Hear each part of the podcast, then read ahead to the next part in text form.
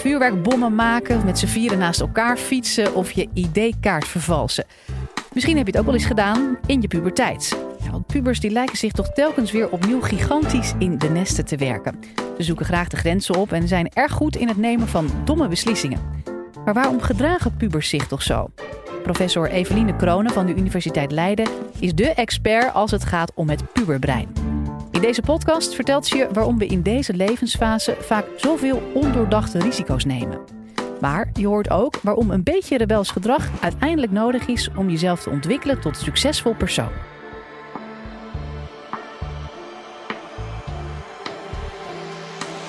Live vanuit Club Air is dit de Universiteit van Nederland. Tot mijn verbazing las ik laatst zo'n raar bericht in de krant. Het ging ongeveer zo. Uh, een meisje uit Nieuwegein in de Vrieskrauw... die was met haar tong vast komen te zitten aan een lantaarnpaal... nadat vrienden haar hadden gevraagd om die te kussen.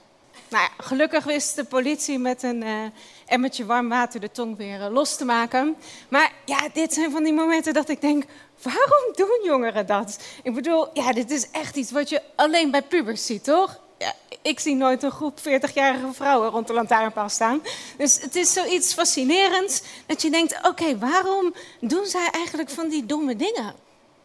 Nou, ja, weet je, wat pubers zijn, wat ze doen, wat hun beweegredenen zijn, dat vind ik heel fascinerend. En ik niet alleen, maar ja, ook ouders of docenten die vragen zich vaak af waarom doen pubers wat zij doen.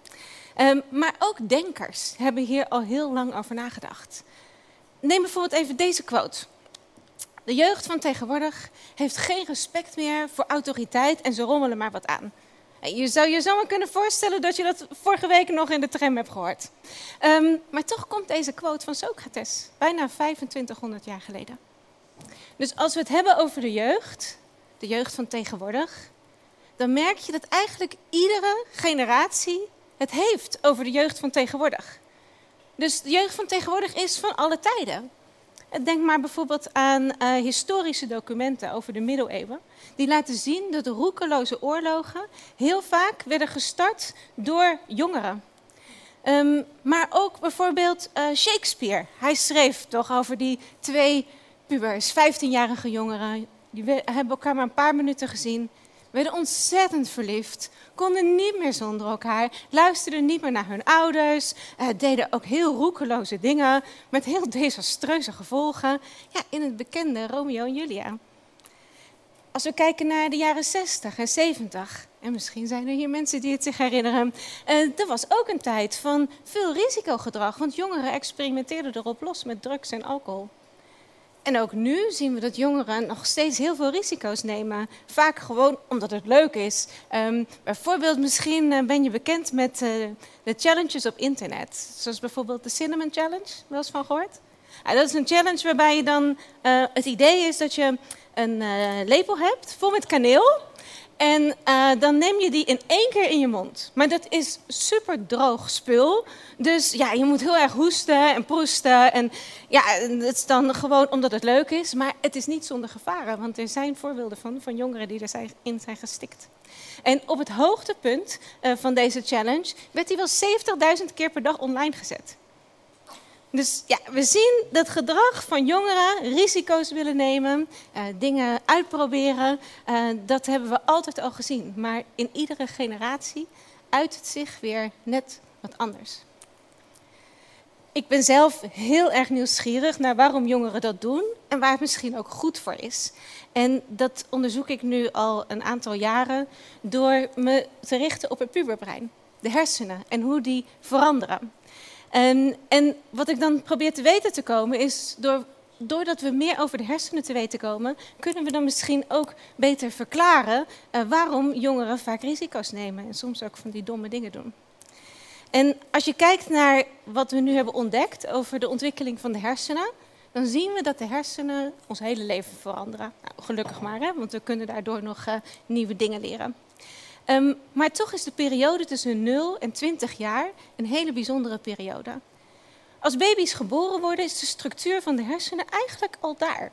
Dus de hersenen zijn grotendeels al uh, in hun structuur die ze aanhouden. Maar de hersenen zijn nog helemaal niet uh, efficiënt. De verschillende gebieden in de hersenen werken er nog niet goed samen. En wat er dan gebeurt, is dat tussen 0 en 5 jaar komt er een grote overproductie aan hersencellen. Er komen heel veel hersencellen bij. En als je 5 jaar bent, heb je de meeste hersencellen die je ooit zult hebben. En daarna komt er een tweede groeiperiode. En dat is eigenlijk een beetje een vreemde groeiperiode, want die hersencellen die nemen weer af.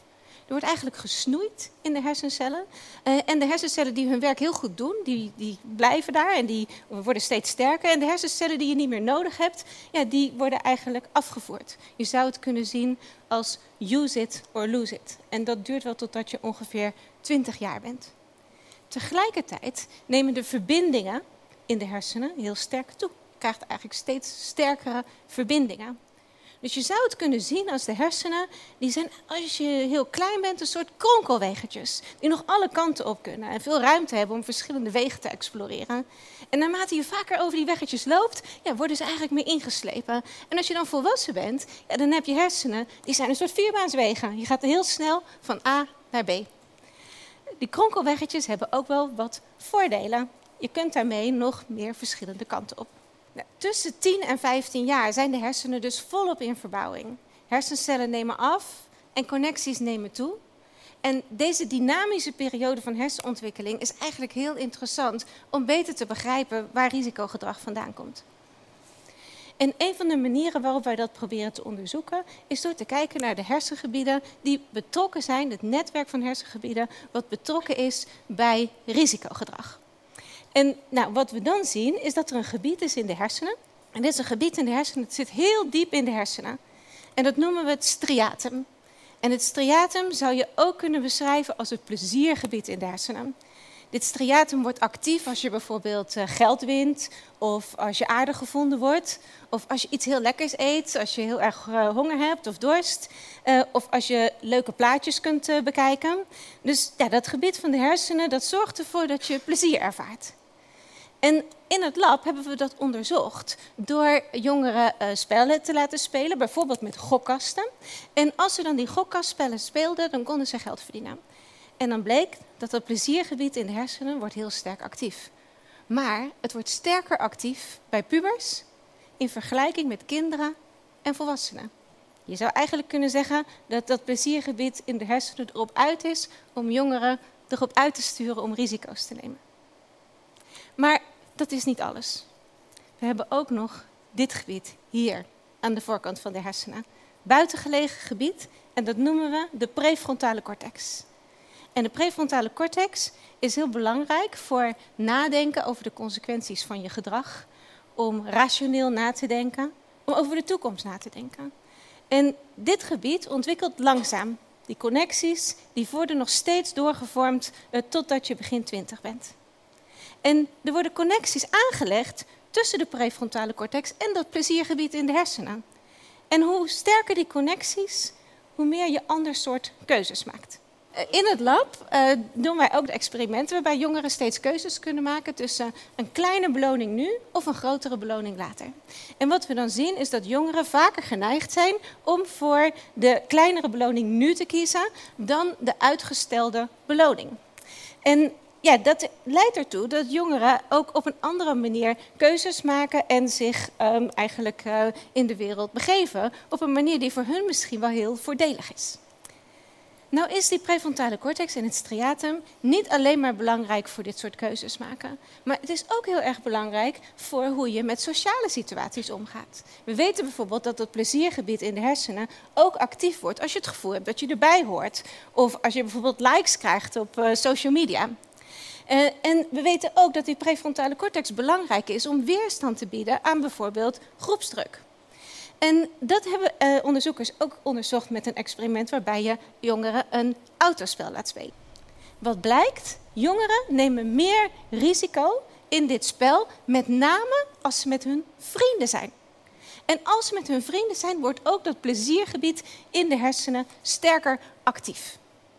Nou kun je je afvragen, ja, is dat dan niet een beetje dom? Maar jongeren moeten ook dingen uitproberen. Je moet fouten maken, je moet loskomen, je moet de wereld ontdekken. Je kunt niet voor altijd bij je moeder op schoot blijven zitten. Dus die domme dingen zijn misschien wel niet echt domme dingen, want je moet erop uit. En je zou het eigenlijk kunnen vergelijken als uh, een auto waarbij de motor al lekker draait, maar nog met een onervaren bestuurder. Nou, mogelijk geeft deze hersenwetenschap wat inzicht of een verklaring voor het gedrag wat we eigenlijk al eeuwen zien. Het risicogedrag van jongeren. Maar nu is er iets nieuws. Nu hebben de oudere generatie het steeds meer over de brave generatie. Jongeren worden beschreven als de brave generatie. Want wat zien we bij de jongeren van nu? Uh, ze drinken minder alcohol, ze roken minder, uh, ze experimenteren minder met drugs en ze hebben later seks. Dus nou, er wordt wel gezegd, wat is er nou met die generatie van nu aan de hand? Nou, toch is dat een misverstand, want zoals ik eerder al aangaf, is het risicogedrag uit zich iedere keer op een andere manier. En wat is er nou zo kenmerkend aan deze generatie, jongeren van deze generatie? Die groeien op in een wereld waarbij zij geen idee hebben wat een wereld zou zijn zonder internet. Vanaf het allereerste moment van hun leven hebben ze te maken met dat ze leven in een wereld met internet. En wat we dan zien, wat er gebeurt, is dat dat ook dezelfde gevaren kent. Denk maar bijvoorbeeld aan cyberbullying of eh, de fear of missing out. Ehm, maar ook bijvoorbeeld risicogedrag in de vorm van sexting, waarbij jongeren pikante plaatjes naar elkaar sturen uh, met het idee dat het alleen maar voor één iemand bedoeld is en niet bedoeld is dat het met anderen gedeeld zou worden, want dat hadden we toch afgesproken. Het is een vorm van risicogedrag die erbij hoort als je eigenlijk je sociale wereld wilt ontdekken. En één op de acht jongeren heeft hier wel eens uh, mee te maken gehad. Maar het internet is natuurlijk niet alleen maar een, um, een, gebied met gevaren. Het is ook een gebied met heel veel mogelijkheden. Want jongeren hebben hiermee een veel groter bereik. Ze kunnen ook proberen om de wereld te beïnvloeden. Ze zijn altijd met elkaar in contact. En denk maar bijvoorbeeld aan Greta Thunberg, die uh, via internet allerlei uh, activiteiten is gestart waarbij jongeren zich bij aansloten. En Greta Thunberg die durfde het op te nemen tegen wereldleiders, uh, waarbij ze zei: ja, ik vind het niet oké dat je alleen maar denkt aan je eigen gewin en niet aan de nieuwe generatie. Dus jongeren nemen ook risico's uh, om eigenlijk uh, de wereld te verbeteren. Um, nou kun je dus eigenlijk zien dat het een bijzondere tijd is, de puberteit. Een, een periode van dingen uitproberen uh, en ook goed zijn voor een betere wereld.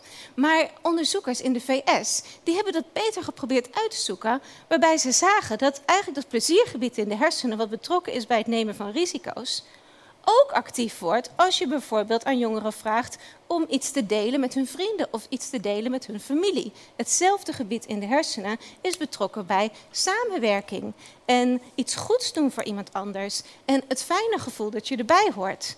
En die, dat gebied in de hersenen, dat piekt in, in de puberteit. Dus misschien betekent dat ook wel dat we anders er tegenaan moeten kijken van wat voor soorten risico's jongeren nemen.